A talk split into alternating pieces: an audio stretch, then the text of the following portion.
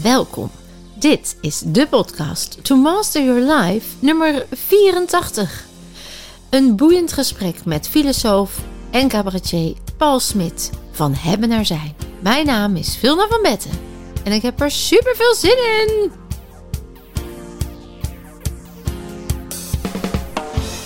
Hallo dames en mensen, alweer een nieuwe podcast. En vandaag heb ik echt een hele bijzondere gast. Ik heb er vannacht zelfs over gedroomd. Omdat ik, ja, ik vind hem mega inspirerend. Ik vind wat hij zegt zo belangrijk dat de mensheid daardoor geïnspireerd raakt. En hij wil ook nog bij mij in de podcast zitten. Dus wat willen we nog meer? Ik heb even opgezocht, Paul, uh, want het gaat over Paul Smit. Hè? Even een virtueel applaus. Uh, maar het is een van de meest gevraagde sprekers in Nederland. Uh, je bent in je vak gerold, autodidact, als ik hem heb begrepen. Ja, en je bent naar je voortgezet onderwijs bij de, uh, wat was het, de luchtmobiele brigade geraakt. Daar heb je tot je rode baret, ben je daar geweest. Toen ben je gaan studeren. Ja. En met je studie de evolutie van het menselijk bewustzijn dacht, ja, daar kan ik eigenlijk helemaal niks mee. Nee, dat klopt. En toen ben je eerst nog een soort zijpad ingegaan. Hè? Je hebt wat IT gedaan en nog wat zaken. Om uiteindelijk toch daar boeken over te gaan schrijven. Filosofische boeken, maar ook psychologische boeken. Neurowetenschap, hè? daar ben je helemaal ingedoken. En toen ben je ook nog eens daar met een cabaret, op een cabaretachtige manier, performance over gaan geven. Juist. Dus met veel humor en toch inhoud geef jij shows. En die zijn nu natuurlijk even allemaal wat... Uh, allemaal online nu. ja, ja, dat moet wel. In verband met onze uh, corona. Uh, en daarnaast doe je nu ook wat online podcast. De Vodgasten hè, met Guido Weijers is onder andere ook van jou... waar je nu af en toe mee ja. bezig bent. Dus je bent, ondanks dat je niet meer je shows live geeft... gewoon nog een druk bezet man. Ik vermaak me altijd. Die ja. jou prima zelf jezelf vermaakt. En er zijn zoveel dingen die van jou interessant zijn, dat ik dacht, waar gaan we het allemaal over hebben? Want er zijn zoveel dingen waar we het over kunnen hebben. Uh, maar met name, uh, hey, jij bent onder andere van het non-dualisme. Niet iedereen kent dat woord. Maar dat gaat een beetje over de vrije wil. En of we nou echt wel zelf keuzes maken of dat die voor ons worden gemaakt. Maar we denken dat we het maken. Ook, ja. ja Toch? Even, je hebt Janneke uitgelegd. Ja. maar je hebt ook prachtige over energie. Hè? Echt ook waar ik natuurlijk heel veel mee bezig ben. Alles is energie. Uh, het geen twee effect. En ook van, dus uh, nou ja, die energie die is altijd in beweging. Dus alles wat we meemaken, emoties, gedachten zijn energieën, maar resoneren we enzovoort. Mm -hmm. Ook interessant, mega interessant. En toen dacht ik, en dat hadden we net even in het voorgesprekje erover. Uh, het materiële, het hoe wij omgaan in de maatschappij met de dingen, met verlies, met corona, uh, is heel erg gericht op het hebben en het afhankelijk zijn en de angst mm -hmm. versus zijn en vrij zijn. Ja. En toen zei je eigenlijk net, of ik zei dat eigenlijk, zullen we daar dan eens over hebben? Zullen we dat eens doen? Ja. Vind je dat een goed idee, Paul? Ik vind het uitstekend. Ik wil sowieso heel hartelijk welkom bij je welkom eten. Want nogmaals, ik ben uh, erg blij. Um, ik wil jou eigenlijk daarmee eens uh, vragen hoe jij daar naar kijkt. Ik heb ooit een documentaire gezien op Netflix en dat was My Beautiful Broken Brain. Ik weet mm -hmm. niet of jij hem kent. Nee, die ken ik. Het gaat over een mevrouw die is uh, in de dertig en die is documentairemaakster. En zij uh, krijgt een hersen. Volgens mij heeft zij wel eens een TED-talk gegeven, klopt dat? Dat is een andere mevrouw. Dat is, een andere. Dat is uh, die oudere vrouw die, Oh, dan, ja. die dan merkt dat ze een hersen. Uh, tien jaar of een, hoe noem je dat? Een uh, attack krijgt. En dan gaat ze later. Zij is dan neurowetenschapper. En zij gaat dan later vertellen wat er is gebeurd enzovoort. Ja. Die is ook heel inspirerend, maar dat komt wel op hetzelfde neer. Dit is een wat jongere vrouw. En zij is zich bewust dat zij uh, veranderd is. Mhm. En de vraag die zij dan stelt aan zichzelf, en die ligt volgens mij ook ten gronde aan van hebben naar zijn, is wie ben ik nou eigenlijk? Ja. Dat is een waanzinnige vraag. Die stelt ze in die documentaire. Dat lijkt zo'n makkelijke vraag. Ja. Maar als je daar echt naar op zoek gaat, kom je op uh, bijzondere conclusies. was ook Ramana Maharshi, dat was een uh, Indiaanse guru. Die leefde in het Tiruvannamalai in India. En iedereen die bij hem kwam, stelde die maar één vraag. En dat is, wie ben je? Dus als je daar het antwoord op vindt, dan vind je de bevrijding. En de grap is dat je uiteindelijk het antwoord niet vindt, maar dat je erachter komt dat die ik die je denkt te zijn er al nooit was. Om het abstract te houden. Ah, precies. En dan komen we ook weer non-dualisme dus. Er, Ja, kijk, wij zijn als mensen, eh, en dat is logisch dat we geïdentificeerd zijn, omdat vanaf dat je ongeveer anderhalf jaar oud bent, creëert dat brein zelfbewustzijn. Ehm, dus een kind van één kun je voor de spiegel zetten en dan ziet de kind wel een reflectie, maar die weet niet, die reflectie ben ik. Klopt. En na anderhalf jaar ongeveer is het, hé, hey, dat ben ik. Maar daarna is het ook niet een brandweerwagen, dan is het mijn brandweerwagen. Brandweerwagen. Nou, en, en omdat je... door Omdat we iedereen- nog niet die perspectiefwissel kunnen doen.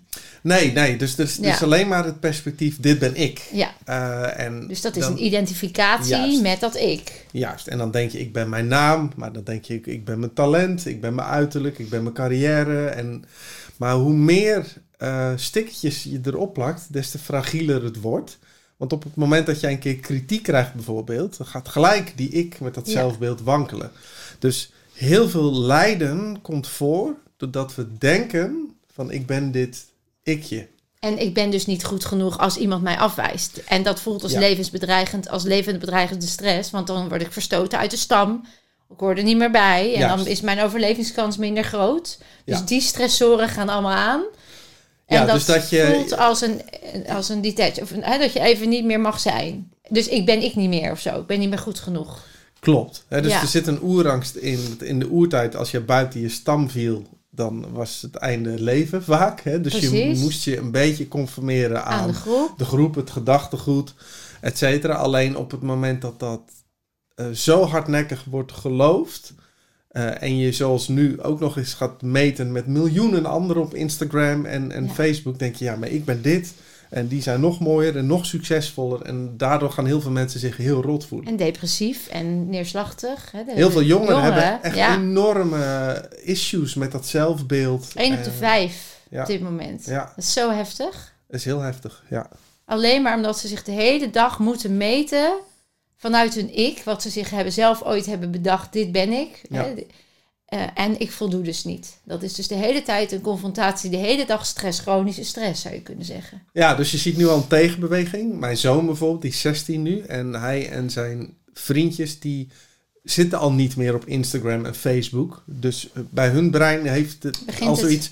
We gaan deze strijd helemaal niet aan. En zij zoeken, dat vind ik wel weer fijn. Ze Heel zoeken gewoon- zelfbewust. Ja, ze zoeken elkaar op als, als clubje van eh, een man of tien.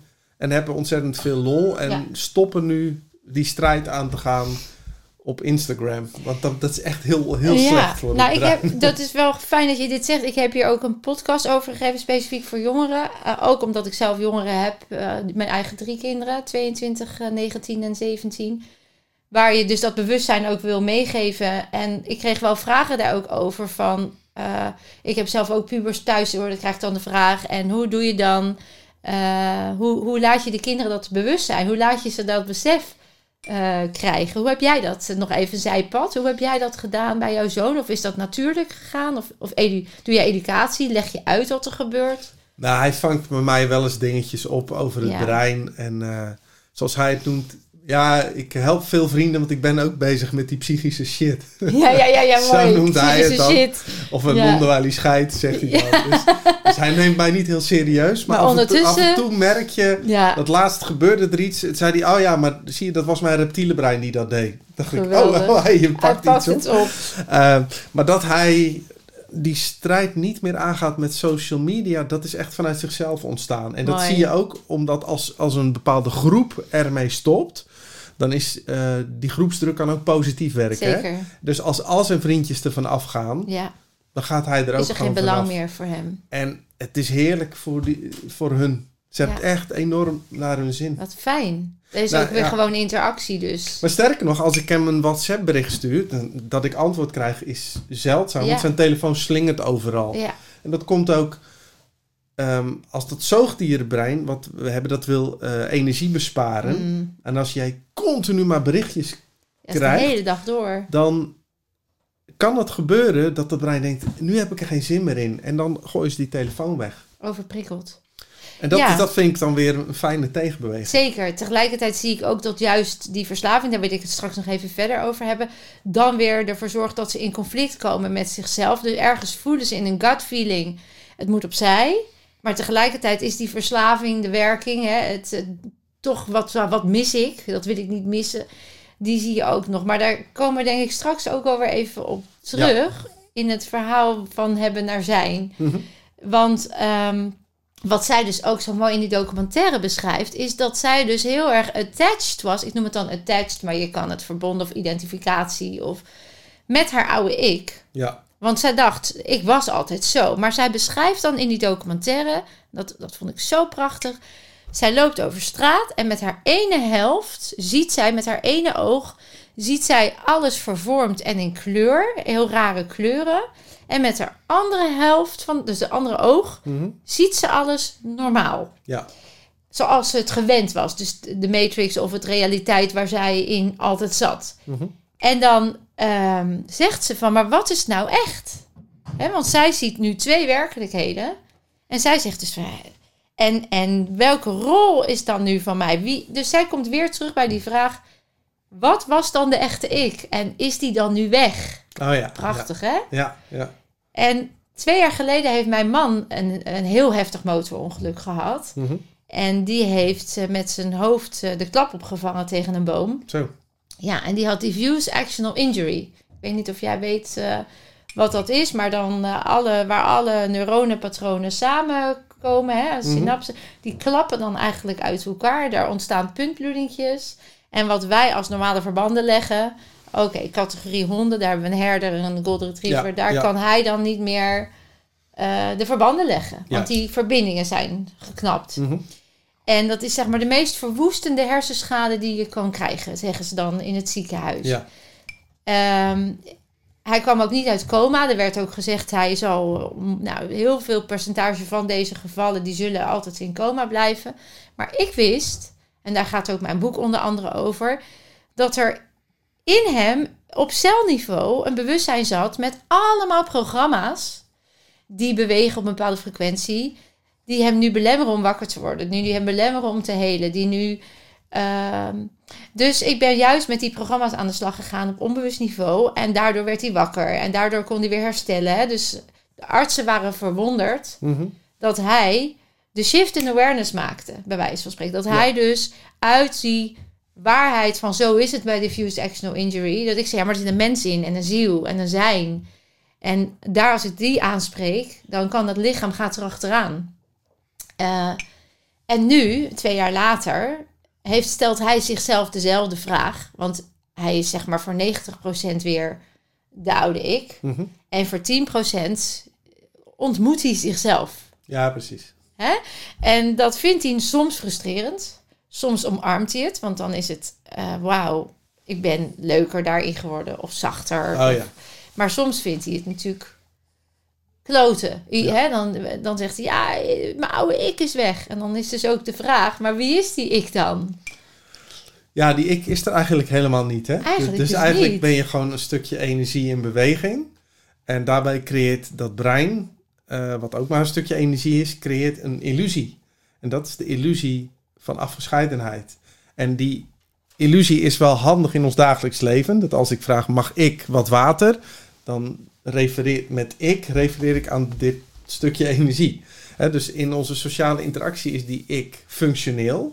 Alleen als je hem te hardnekkig gaat geloven, dan is het niet alleen functioneel, maar dan wordt het een soort waarheid voor je die heel fragiel is. Want op het moment dat je maar een keer wordt afgewezen, of een keer faalt in iets, of een keer een tegenslag hebt, dan zeg je, ja, dat heb ik allemaal fout gedaan. En dan zie je dat mensen gaan toppen met hun zelfbeeld, onzeker worden, minderwaardigheidscomplex krijgen, burn-outs krijgen.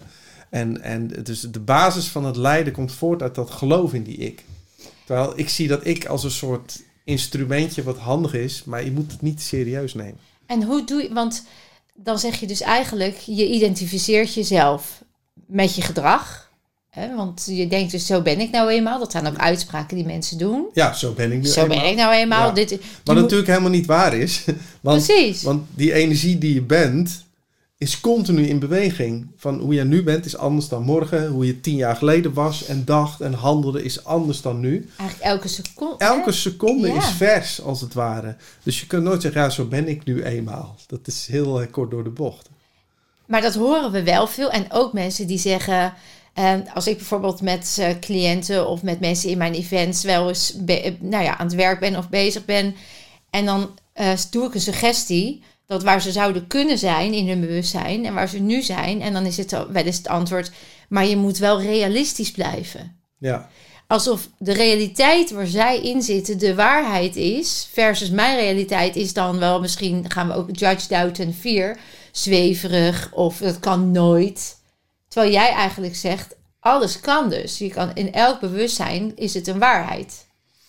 Ehm, ja, dat heet naïef realism. Dat houdt in dat het brein continu de illusie kweekt dat hoe jij de realiteit ziet, dat dat beter is dan hoe een ander hem ziet.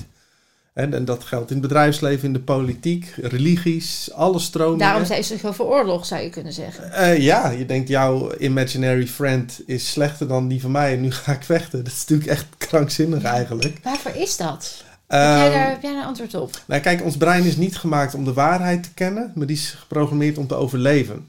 Dus op het moment dat jij binnen een groep een bepaalde geconstrueerde eh, zienswijze hebt, wat de groep bijeenhoudt, prefereert het brein al die illusies eigenlijk boven het zoeken naar wat werkelijk waar is. Dus je ziet ook mensen zoals Socrates bijvoorbeeld, die continu vragen blijven stellen, worden irritant gevonden. Dat vinden mensen van mij ook. Ik stel altijd vragen. En eh, dat is voor de groepsharmonie is dat gevaarlijk. Ja, want het doorbreekt de, de waarheid. Of het doorbreekt de, de, Ja. de zienswijze die je ook hebt. En dat maakt fragiel en onzeker. Omdat je dan niet meer kan identificeren met de waarheid die je al had. Ja, ten eerste is, is het je identificatie met dit geloof ik en dit is mijn zelfbeeld. Dat komt op eh, losse schroeven te staan. Plus jouw positie binnen de groep. Dus je ziet ook wanneer gaan mensen eh, bezig met zelfontplooiing of eh, om ruimer te kijken. Dat is bijna altijd vanuit een crisis. Hè, mensen die Ja, echt echt vastlopen, een burn-out hebben, een echtscheiding, ziek worden. Dan is er een urgentie in het brein. Oké, nu moet ik mijn horizon wel verbreden. En dan komen ze naar je cursus toe. Ja. En als jij nu zegt, als we het dan zeggen van hebben naar zijn, dan als ik hem samenvat, dan hoor ik eh, mensen identificeren zich. eh, ook dus aan spullen, aan hun werk, eh, hun rol op hun werk. Ja, Ik ben de directeur, ik ben de eigenaar. Het is ook altijd ik en mijn, hè, wat jij zei. Mhm. Het is heel erg alsof je het bezit. Dat doen ze dus eh, om zich ze- zeker te voelen en om het gevoel van controle een beetje te ervaren. ja. Want dan voelen we ons kennelijk dus veilig. En op het moment dat we dus naar zijn, dus als we dat allemaal zouden loslaten, dus op het moment dat we zouden zeggen, alles wat je dus denkt te bezitten, maar dat kan ook je kinderen zijn, hè, dat was mijn vraag in mijn laatste blog, van, Mhm. van vreselijk verlies naar vreugdevolle vrijheid. Ik zei, wat als je je kind, als die eerder gaat dan jij, mijn kind, Mhm. mijn alles, mijn hebben, we maken het nog groter ook in onze cultuur. ja. Eh, wie blijft er dan nog van mij over? Nou ja, als we helemaal naar het eh, non-dualisme kijken, dan zien we eh, ook zelfs kwantumfysica komt daar op veel stromingen op uit. Dat, dat wat we werkelijk zijn is bewustzijn. Dat ligt ten grondslag aan alles. Nog voor Einstein's space-time. Zeg maar. Dat is maar een Ja. verschijning in het bewustzijn dat we zijn. Dus als de identificatie vervalt van dit ben ik en ik moet alles maar controleren en mijn zelfbeeld in stand houden en mijn spulletjes bij elkaar hebben. Mijn ego, ja. Mijn ego, dat, Ja. dat is, dit is allemaal het ego, Ego. dat zelfbewustzijn. Ja, Naar, oh wacht even, er is allemaal één bewustzijn wat Collectief. een spelletje speelt hier in deze droom. Als die eh, shift plaatsvindt, dan ontstaat er veel meer innerlijke rust. Dat is wat de Boeddha dan verlichting noemt. Ehm, en dan wordt wat in, hier in deze droom allemaal verschijnt. Je speelt het spelletje wel mee, maar je neemt het niet meer zo serieus. Nee. En, en je begrijpt dat, eh, dat ikje wat je denkt dat alles schijnbaar controleert, dat dat allemaal illusoir is. Ja, en als je dan samenvalt met dat zijn, eh, dat geeft veel meer innerlijke rust. omdat het zijn niet meer geïdentificeerd is met wie en wat dan ook. Nee, want het bewustzijn zelf, maakt, dat, dat zit nergens aan vast. Dat is niet iets. Precies. Ja. Dat klinkt heel abstract als je dat voor het eerst Ja. hoort. Ehm, maar dat is, je, je bent als het ware de ruimte waarin alles verschijnt en verdwijnt. Maar die ruimte zelf, daar is niks mee. Dat, die Nee. heeft geen oordeel en die probeert niet van A naar B te komen.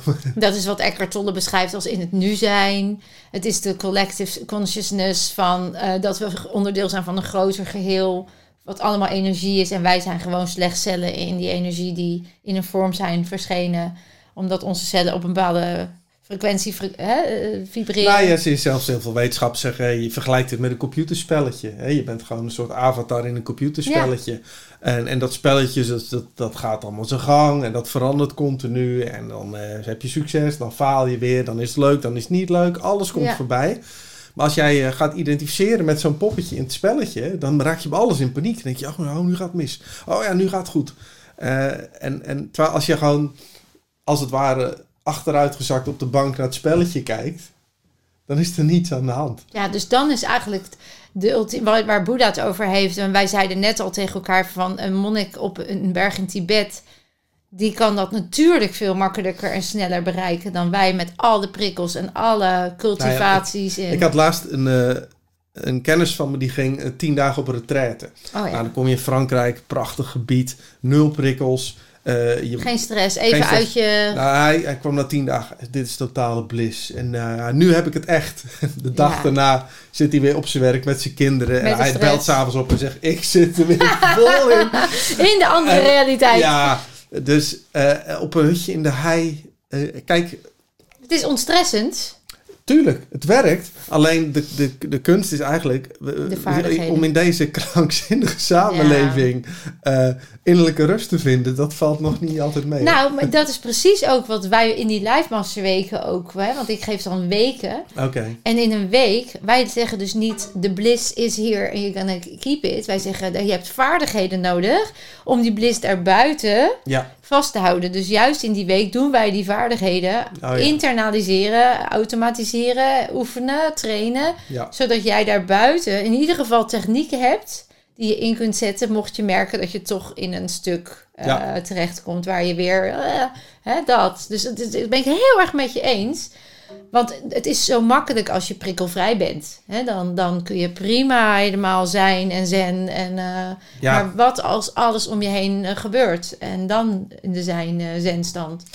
Ja, precies. Ja. Dat noemen ze dan eh, Advaita in de praktijk. Hè? Ja. Dus als het er echt op aankomt, ja, blijf dan nog maar eens rustig. En dat eh, lukt niemand. Nee, er is de- dat eh, boek, ik vergeet elke keer de titel, omdat het ook in het Nederlands niet meer is, maar van eh Minyor eh, Rinpoche, eh, Rinpoche Minyor, eh, ja, Rinpoche Minyor.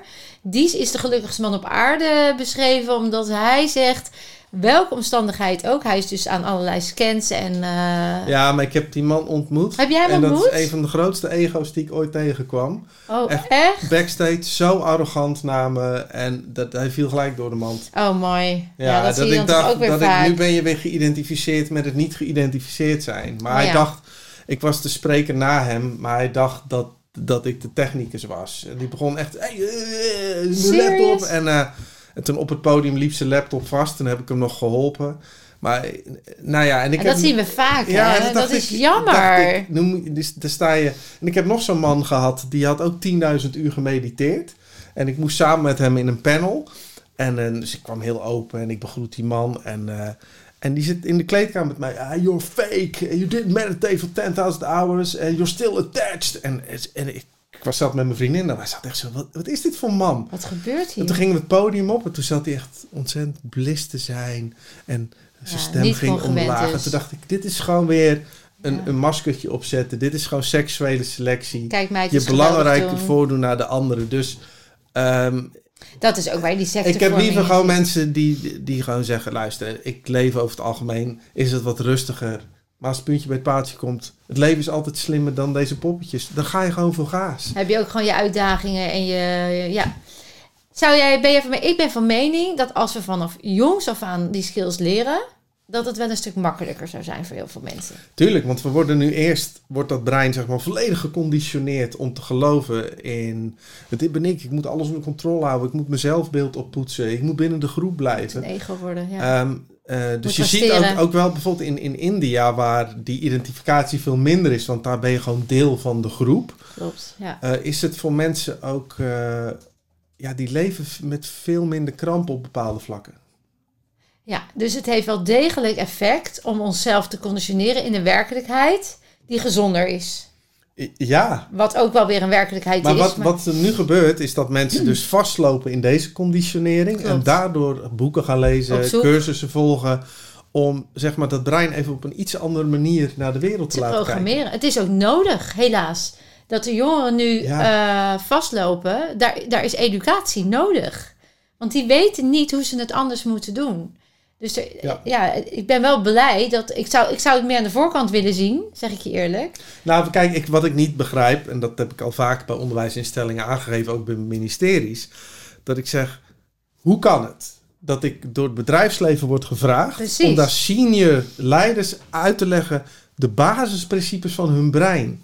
Ik zeg, is dit niet gewoon wat je op les 1a op school krijgt? Ja. Je leert wel aardrijkskunde en, en, en, en geschiedenis, maar hoe jij zelf in elkaar zit, is de belangrijkste ik, les. zeg, ik, ik wil daar best een module voor schrijven. Dat Ja. zo'n kind begrijpt. Net als mijn zoon zegt: Oh, die raakt in paniek. Dat is mijn reptiele brein. En die snapt nu dat, dat als ik vol emotie zit. werkt mijn ratio even niet. Dat houdt in: ik moet even geen beslissingen Nee. nemen. Ik moet even gewoon een uurtje cooling down doen. Dan doet hij het weer. Gewoon dat soort basisprincipes. Maar ook hoe maak je nu beslissingen? Ja. Dat begrijpen mensen, Mensen ook ook niet. niet. Maar als je gewoon vanuit neurowetenschap wat tools hebt, wordt dat heel makkelijk. Ja. Eh, maar blijkbaar is eh, het onderwijs daar nog steeds eh, vrij dogmatisch in. Ik heb hetzelfde gesprek ge- gevoerd bij het ministerie van Onderwijs. En er wordt, zeggen ze, aangewerkt. Eh, tegelijkertijd zien we... Ik, moet ineens denken aan een eh, verhaal wat ik had in het ziekenhuis. Want toen mijn man dus aan het helen was... en met name ook op dat energe- energetisch niveau... en celniveau en bewustzijnsniveau... eh, ik hem in een andere werkelijkheid plaatste dan de pijn en de ellende waar hij in zat... Ehm, en hij zichzelf natuurlijk uiteindelijk, maar door mijn input lukte dat. Ehm, ook input is, is ook energie, is, is voeding. Hè? Dus ik gaf hem Ja. levertraan en vitamine D en eh, vitamine C. En ik maakte iedere dag, eh, goed, ik gaf hem de goede eiwitten en noem het maar voor dat brein, want dat moest herstellen. En het ziekenhuis gaf hem een witte boterham met kaas en Ja. gesuikerde vla. Ja, Weet je, Paul, ik dacht echt, nou, ik kan nog kippenvel van krijgen. Ik kan erom huilen. Dus ik loop naar die, eh, naar die verpleging en die neurochirurg toe. En ik zeg, joh, leg mij uit. Waarom staat er niet op iedere kamer hier op deze afdeling neurologie standaard o- omega-3? Weet je, what the fuck? ja. En dan zeggen ze, ja, ben het met je eens. Maar we doen het al jaren zo. En de catering, daar hebben we een contract mee. En dan gaan bij mij echt, ja, ja, ja. dan ja. ga ik gewoon flippen ja. Omdat ik denk, dit kan niet waar zijn. He- Zijn Ja, we... maar het is nu precies hetzelfde. En, nu, eh, onze overheid. Het, het is zo cliché wat er gebeurt. Er is een virus. Nou, dan moet je naar de basis. Dat houdt in, mensen met een eh, verzwakt immuunsysteem zijn niet vatbaar voor. Hè? Want dan gaat hun immuunsysteem daarna juist te hard werken. Klopt. En dan breng je jezelf op. Dat houdt in vitamine D3, K2, K2, zink, hè, vitamine moet je, C. zink Ja. moet, je, moet je hebben. Eh, dus als mensen dan ook goed slapen, gewoon normale voeding eten, dus niet die Albert Heijn rotzooi. Ehm, wij kunnen Geen onszelf, pakjes, zakjes, geen suiker, Nee, geraffineerd. het is zo basisvoeding. als, je kunt je lichaam al zo sterk maken, en dat blijkt nu ook, hè, dan doen ze de onderzoeken wat vitamine D al doet. Nou, precies. Nou, mensen met een hogere dosis, ten eerste worden ze al veel minder besmet. En als ze het hebben, wordt het veel minder erg.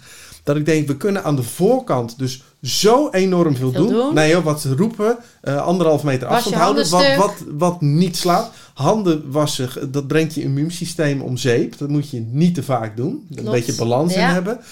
En vervolgens, ja, we wachten wel op een vaccin. Dat Ja. ik denk, dit is dus blijkbaar het huidige niveau van de Homo sapiens. Maar als een iets intelligenter aliensoort van een afstandje zou kijken, die zouden echt denken: Die zijn niet goed. ze zijn wel slim, maar niet wijs. Want we kunnen wel eh, computertjes uitvinden, maar om op enig redelijk denkend niveau een samenleving in te richten, of hoe we met onszelf omgaan en anderen, dat is echt kinderlijk niveau. En dan, dan wil ik, daar beledigen kinderen al mee. Ja, maar dan komen we weer op dat stuk van hebben naar zijn. Zou het kunnen dat de, er zoveel belangen zijn die meespelen in dit beleid, waar we al, ik zeg niet eens dat het de integriteit aantast, want ik geloof dat minister Rutte oprecht gelooft dat dit de manier is. Tenminste, dat wil ik dan nog misschien geloven.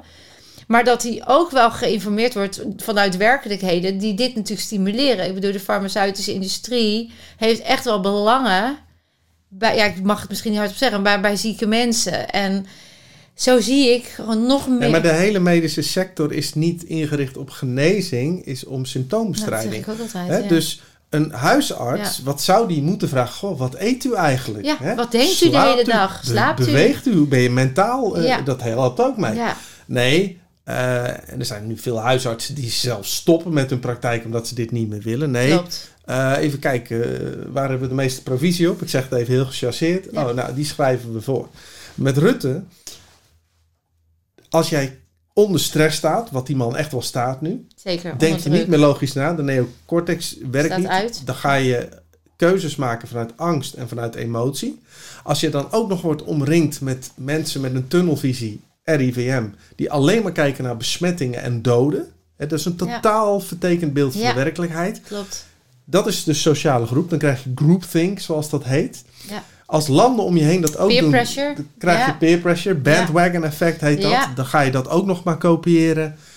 Ehm, en dan uiteindelijk ga je dit soort beslissingen maken.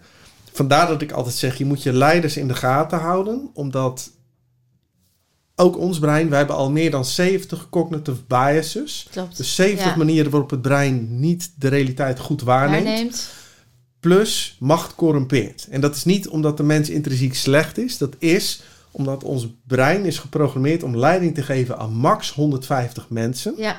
En in de oertijd was het zo dat als. ehm, jij werd niet gekozen als leider, maar mensen gingen jou volgen. Waarom deden ze dat? Als jij de meeste talent had, als jij betrouwbaar was, als jij empathisch was, beschermend naar de groep, gingen ze met jou mee. Dan was het veilig. Want dan was het veilig en dan hadden mensen de grootste overlevingskans. Dus leiders hadden volgers. Zo was het. Alleen, als een leider zich ging misdragen in de oertijd, dat heet een stop, een strategy to overcome the powerful, dan stopte de groep simpelweg met het volgen van de leider. Dus die verloor zijn macht. Maar wat je nu ziet, is als een leider door alle constructies die we hebben niet afgezet kan worden. En dat zie je met Poetin, dat zie je met de koning uit Thailand die zich misdraagt, overal. Mhm. Dan kan dat brein niet met die macht omgaan. En, en dus zie je, zeker bij mannetjes, te, veel testosteron ook, het corrompeert. En eh, dus vandaar dat je altijd zo'n zo'n stop moet hebben ergens. Hè? Dat het volk zegt tot, tot hier en niet verder.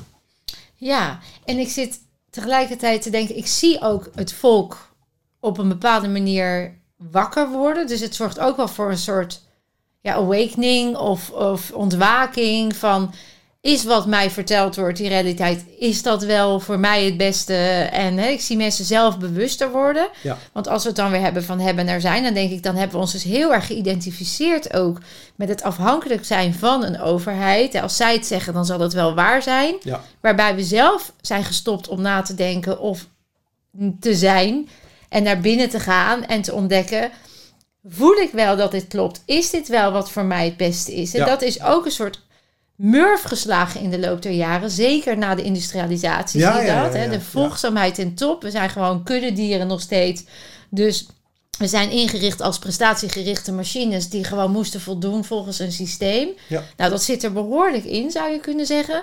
Dus die zelf, dat zelfbewustzijn, en dat, daar hoop ik ook een beetje op. En daar zijn ook deze podcasts voor. En daar is ook jouw werk voor. En daar doen heel veel mooie mensen doen daar mooie dingen in.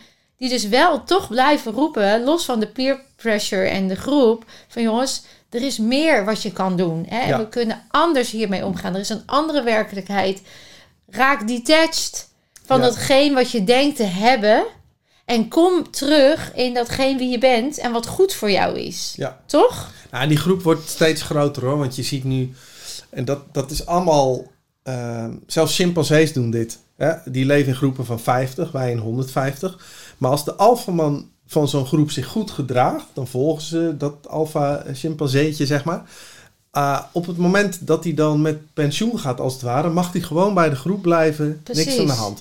Maar het komt voor, ook vaak, dat het alfa-mannetje zich gaat misdragen. En wat je dan ziet, is dat de beta-mannetjes samen gaan werken en uiteindelijk hem van de troon stoten. Corrigeren. En dat is dus zo'n stop. En zo'n stop zie je nu Ah. ook. Het feit dat je, je hebt Sembla, Tegenlicht, eh, Lubach op zondag. Je hebt het Café Nieuws, Weltsmets. Nieuwsuur heeft ook, eh, toch? Ja. Had er ook een programma over. Die artsen. Ja, Ja, precies. Ja. Die zaten er ook in. Ja. Dus, en het feit dat wij er hier het al over hebben. Dus je ziet aan alle kanten. Ik zie het zelf op LinkedIn. CEO's die dingen gaan zeggen. Directieleden. Dat er ontstaat zo'n strategy to overcome the powerful. Omdat een steeds grotere menigte doorkrijgt.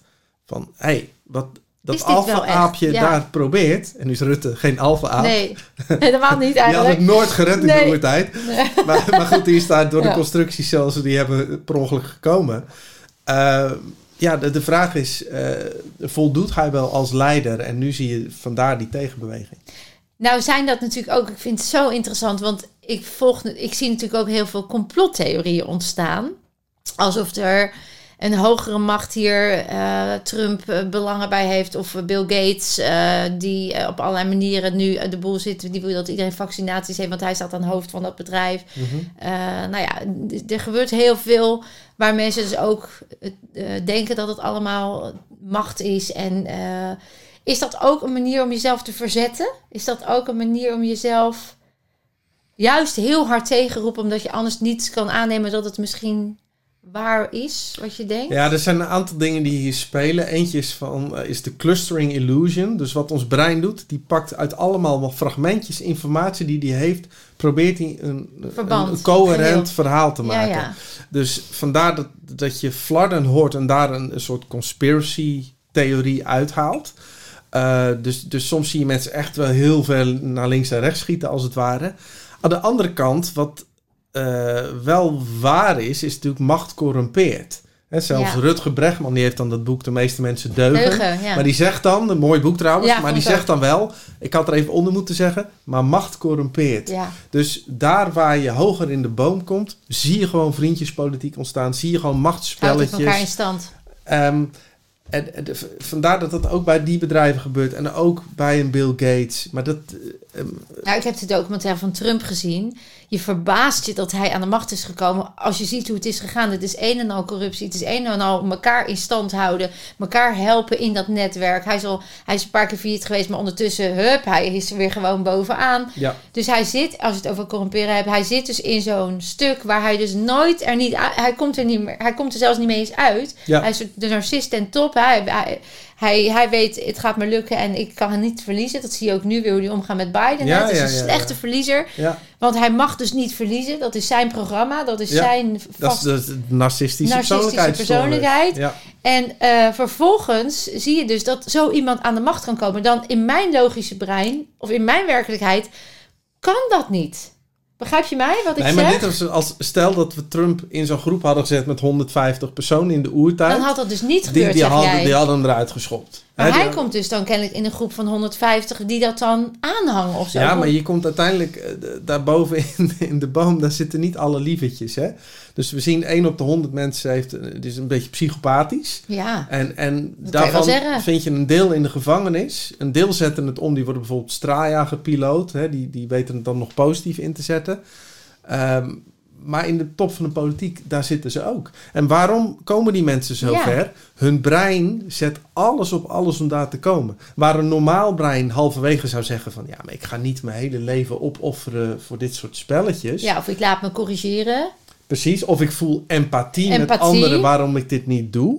Ehm, heb, hebben die breinen daar geen last van? Dus Van- die hebben, niet, die hebben echt een pathologie. Die hebben dus niet Juist. het vermogen Nee, om die perspectiefwissel te doen. Om zichzelf te laten corrigeren. Want dat zie je ook heel duidelijk in die documentaire van Ja, Trump. ja. Daar kijk ik dan naar. hè, Wat voor persoon is het en wat gebeurt er in die man? Ja.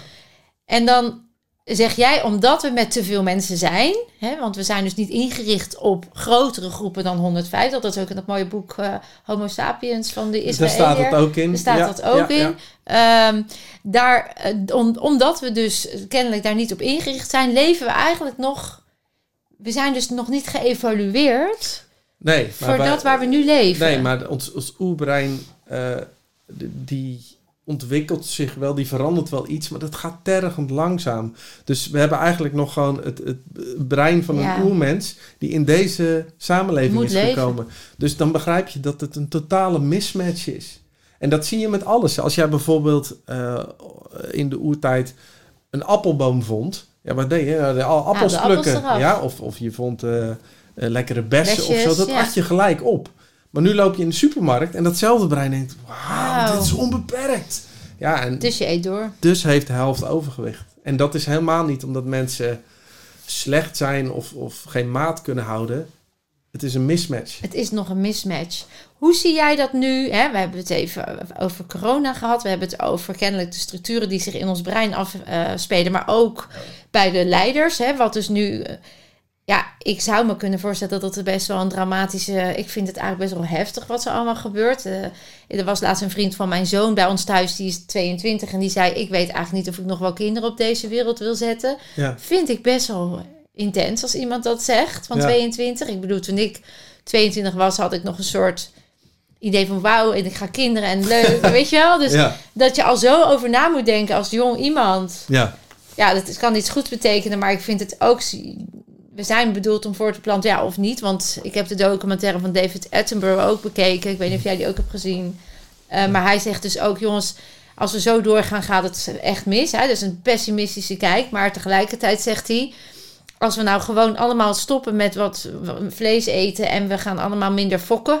ja. Dan, want ons diersoort is gewoon te, we, de, in relatie met de, met de natuur zijn we te veel. Dan is het te redden. Dan kunnen we hier nog overleven. Moeten we dat dan wel? Wat, als we dan van hebben naar zijn hebben. Moeten we niet gewoon detachen en let it go. En als we dood gaan, gaan we dood. Nou, kijk, Hoe zit jij voor daarin? het bewustzijn zelf, voor de energie die dit hele spelletje speelt, bij al die universa, maakt het natuurlijk helemaal niets uit Doet of niet daar een paar homo sapiens meer of minder lopen. Nee. De, de enige die de homo sapiens belangrijk vindt, Dat zijn wij. zelf. Ja. Ja. we vinden onszelf zo, Zo fantastisch belangrijk. en belangrijk. Terwijl wij zijn er binnenkort gewoon niet meer. En dan is nooit iemand die zich nog iets van ons herinnert. Hooguit dat er nog wat plastic wordt gevonden of zo, Ja, wat ja, ja. telefoontjes. Maar nee, ja, dat is helemaal niet erg. Dus, Mm. dus, maar daarom, als je identificeert met de verschijningen binnen deze droom, wat het eigenlijk is, want het is niet echt dit, eh, dan wordt het heel eng. Maar als je gewoon ziet, joh, dit is het spel van het bewustzijn, wat we allemaal zijn, dat is onze ware kern, natuur zeg maar, Mhm. dan, is, dan is het helemaal niet zo erg. Kun je in dat... Want het is best wel wat, hè? Als je eigenlijk zegt, jongens, alles wat we zijn is een illusie. Dus neem het niet te serieus. Dat is ook een mooie, vind ik altijd. Neem jezelf ook niet te serieus. Alles Nee. komt en gaat. Hè? Ook problemen komen en gaan. Ik bedoel, Ook jij. ook komt jij ja. komt en gaat. Hè? De acceptatie van de vergankelijkheid. Is natuurlijk waar Boeddha, het, eh, die noemt dat natuurlijk de grootste uitdaging van het leven. Want dat mentale lijden, dat doen we onszelf aan. Daar hadden wij het net zo over. Stel dat dat gebeurt, dat iemand dierbaar overlijdt door corona... of iemand waar je heel erg aan attached bent... Dan zei jij, pijn mag er zijn, want dat hoort ook bij ons systeem. Ja, ja, ja. Maar het mentale lijden hoeft er niet te zijn. Hè? We Nee. mogen, omdat we. Kun je dan nog iets toelichten? Nou kijk, het is een hele normale biologische reactie dat als iemand overlijdt, dat je huilt. Hè? Net zo goed dat als je een grap hoort, dat je lacht. Dat is precies hetzelfde. Precies. Ehm, het lijden begint als je denkt, hij of zij had nog moeten leven. Was het maar anders geweest? Eh, was hij of zij nog maar hier? Ehm, al die Ik kan nu niet meer gelukkig zijn. Juist, juist. Want jij vulde mijn leven aan. En zonder jou is er dus leegte. Ja, Dat soort gedachten. Dat, zijn mentaal, dat is mentaal lijden. Dat is op energetisch niveau ook. Dat noemt dan laag op de ladder. mhm. En dat verlaagt ook alle speelgoedstofjes, zou je kunnen zeggen. Waardoor je dus ook echt je letterlijk je voelt je ook letterlijk daardoor. depressief en Juist, ja. in een werkelijkheid schieten waar je nooit meer denkt uit te komen, want je zit daar op die Ja, werkelijkheid. En eh, eigenlijk zeg jij, de pijn, we zouden dus in dat zelfbewustzijn, want we moeten dus, eh, nou ja, dat is wel een mooie conclusie, wat, waar ik helemaal achter sta. We zouden dus veel meer weer mogen zijn. En dan wie ben ik niet hoeven identificeren met spullen, met wie je als rol aanneemt of wat je doet. Maar meer gewoon dat je een mens bent, energie in beweging, die de hele dag interacteert met energieën eromheen, wat een reactie oproept. En Ja. de ene keer is dat iets blijs. En de andere keer is dat iets verdrietigs. En alles mag er zijn. En zolang je dus die aanvaarding hebt, je herkent het en je erkent het, dan is er altijd rust. Dan is er altijd lading vrijheid, Ja. toch? Als ik het Mhm. zo. En dat is misschien wel de ultieme uitdaging, dat we dus niet zeggen: ehm, ik, ik ben zo en dit is de realiteit en het blijft zo, maar dat we zeggen: dit is iets wat komt en gaat. En daar leer, ik mag daar nog in leren, want we zijn niet zo opgevoed. Ja. Dat geeft een soort ruimte, toch? Ja. Ik vind, je hebt de, de bekende metafoor is ook met de, de film op het filmdoek. Hè? Dus de, de film speelt zich gewoon af en jij speelt in die film, zoals Shakespeare zei, eh, een rol. Ehm, alleen wat je werkelijk bent, is datgene wat naar de film kijkt. En niet degene die in de film speelt. Ja. Dat lijkt maar zo. Dat lijkt me zo. En op het moment dat je het gewoon dit ziet als een soort film die zich voltrekt, ja, dan kun je ook om jezelf lachen, om situaties lachen, om anderen lachen. Precies. En, en dan, dan wordt het dan een ben je detached. Alsof Dan- je als observant. Nou ja, dat is het. Dat het, is het. het gewaarzijn Van. waar ze dan naar verwijzen. Dat is wat je werkelijk bent. Alleen dat zien we continu over het hoofd. Ja. Nou, als, als laatste vraag, wat zou jij, of als, als tip, wat zou jij nou de luisteraars mee willen geven? Want er zullen mensen zijn die dan nu daar denken, ja, mooi gezegd, maar hoe doe ik dat dan? En twee, je wil ook geen onverschilligheid creëren. Dat het een soort, nou ja, het maakt toch allemaal niet uit. Want dat is ook niet de emotie waar we het hier over hebben. Nee, nee, dat, dat noemen ze de Advaita Shuffle. Dat is een fase in dat wakker worden. Dat dat, dat ego eigenlijk denkt... Oh, ik ga lekker alles nihiliseren en het is toch maar een illusie. Bagatelliseren. Ja, en eigenlijk is dat gewoon een, een vluchtmechanisme, een verdedigingsstrategie. Dat, dat, dat moet je even, even doorheen, zeg maar. ja, dus die moet je wel herkennen. Je moet je even herkennen, eh, dat is het niet. Je, je speelt wel volledig het spelletje mee in die film, maar tegelijkertijd weet je continu dat je het gewaarzijn bent wat er naar kijkt. Je hoeft Eh, het niet te internaliseren. Je hoeft het niet eigen te maken. Je hoeft het niet te Nee. hebben. Je mag het laten. En dit is natuurlijk niet iets wat je in één dag kan doen. Dit Nee. is eh, waar in het boeddhisme dat ze er hele pad voor hebben, in het Dzogchen en, en in de Advaita. Dit is iets van het geleidelijk wakker worden. En, en dat kan op, op duizenden manieren. Hmm. En je gaat ook steeds weer op een ander level wakker worden. Want waar je nu bent, is misschien alweer een awakening voor waar je was. Ja. Maar als ik voor mezelf spreek, ben ik alweer, eh, als ik naar twintig jaar geleden kijk of tien jaar geleden, oh my god, ik ben echt wel Het verfijnt zich steeds Het verder. en nog dat steeds. is never ending. never Ja. ending. Ja. Het feit dat ik met jou zo'n diepgaand gesprek heb, eh, zou twintig jaar geleden voor mij abracadabra, non-dualisme, eh, Ja, waar- hebben we het over? Hè? Dus dat awakening is ook volgens mij geleidende schaal en iets wat gewoon altijd Zeker. er mag zijn, zolang we het maar herkennen en het toelaten. Ja, En er niet bang voor worden en niet vasthouden aan wat we hadden. Dus de fixed mind mag naar de growth mindset.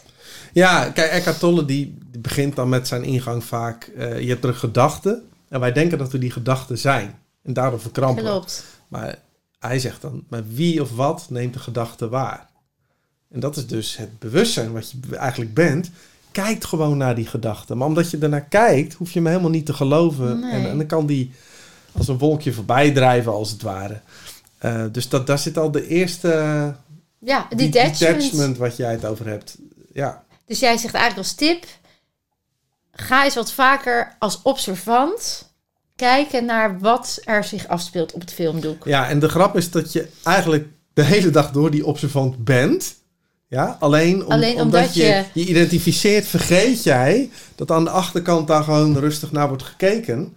En raak je in paniek over wat er in het spelletje gebeurt. Ja, En, en dat is iets. eh natuurlijk Ja. vele methoden en wegen die daarnaar Mm. verwijzen. Maar dat is iets wat geleidelijk aan kan integreren. ja wat En ik dan- zelf zeg is altijd ook in mijn events: eh, een emotie is er en die mag er ook zijn, want dat is de energie die op dat moment resoneert. Precies. Alleen als je daar aandacht aan gaat geven, dan heb je er last van. Ja, ja. Dat is wat je eigenlijk ook zegt. Nou ja, het grappige is, als wij dus lachen, wat ook gewoon een emotie dan is. zeggen als we het ook, ga er aandacht aan geven. Wow. Dan mag het. Ja, dan is het dat heerlijk. ja. Alleen er zit nooit verzet op lachen. Ja? Precies je denkt niet, ja. Patrick Kikker zegt dan altijd voor de grap, je, je zegt nooit van, nou, ik ben al een kwartier vrolijk. Ja. Hoe lang gaat dit nog Ja, duren? precies. Ja? Ja. Maar op het moment dat je dus Huilt, huilt of, of boos. frustratie voelt, dan opeens Ga je verzet. mind te... me- Ja, dat mag niet, dat moet anders, dat is zijn schuld. Maar dat is gecultiveerd, hè? Zeker. Dat is niet omdat het niet er mag zijn. Want je- wat je zegt, het hoort er gewoon bij. Het is onderdeel van wie... Maar bij een kind nog niet. Want als, een, Klopt. als mijn zoon vroeger eh, een jaar of zes was en die was gefrustreerd, dan, dan boem, gooide hij dat eruit. En dan was het weg. Dan was het weg. 20 seconden max, 90 en dan is het klaar. Dan is het weer klaar. En dat, Ja. daar willen we weer naar terug. Dus die hele, die hele neocortex, dat hele geconditioneerde, gecultiveerde manieren van omgaan, prestatiegerichte. Je moet je ego, je moet dit zijn, want dan ben je goed genoeg. Je moet dat hebben, want dan heb je status, dan hoor je erbij. Ja. Daar zeggen we eigenlijk nu van, mooi einde. Eh, dat is dus niet wie je bent. Dat is wat je hebt gedaan en dat is heb- wat je hebt bereikt. Ja. Maar het maakt je niet minder gelukkig als het er niet meer is. Omdat als jij dat gewoon kan zien als iets wat onderdeel is geweest van het spel... dan mag het als het los is ook gewoon, is het ook gewoon zijn. Ja. En dan mag je best even huilen. Maar dan ga je daar niet heel veel aandacht aan geven. En niet identificeren weer met dat dat de nieuwe werkelijkheid is. Dat je voor altijd ongelukkig kan blijven. Nou, ja, hebben we hem mooi? netjes zo. Cirkeltje rond. Zeker. Ik vond het een waanzinnig gesprek. Ik ook, was leuk. Ik vond het heel leuk. En ik, eh, ik zou zo nog maar... Ik zou nog uren door kunnen praten. Maar ik denk dat het voor nu echt al heel erg veel wakker gemaakt bij mensen. Ja, dat was wel eh, genoeg Was info, genoeg. denk ik. Dus ik wil je echt super bedanken. En eh, nou, lieve dames en mensen, je weet het. Je kunt meer dan je denkt.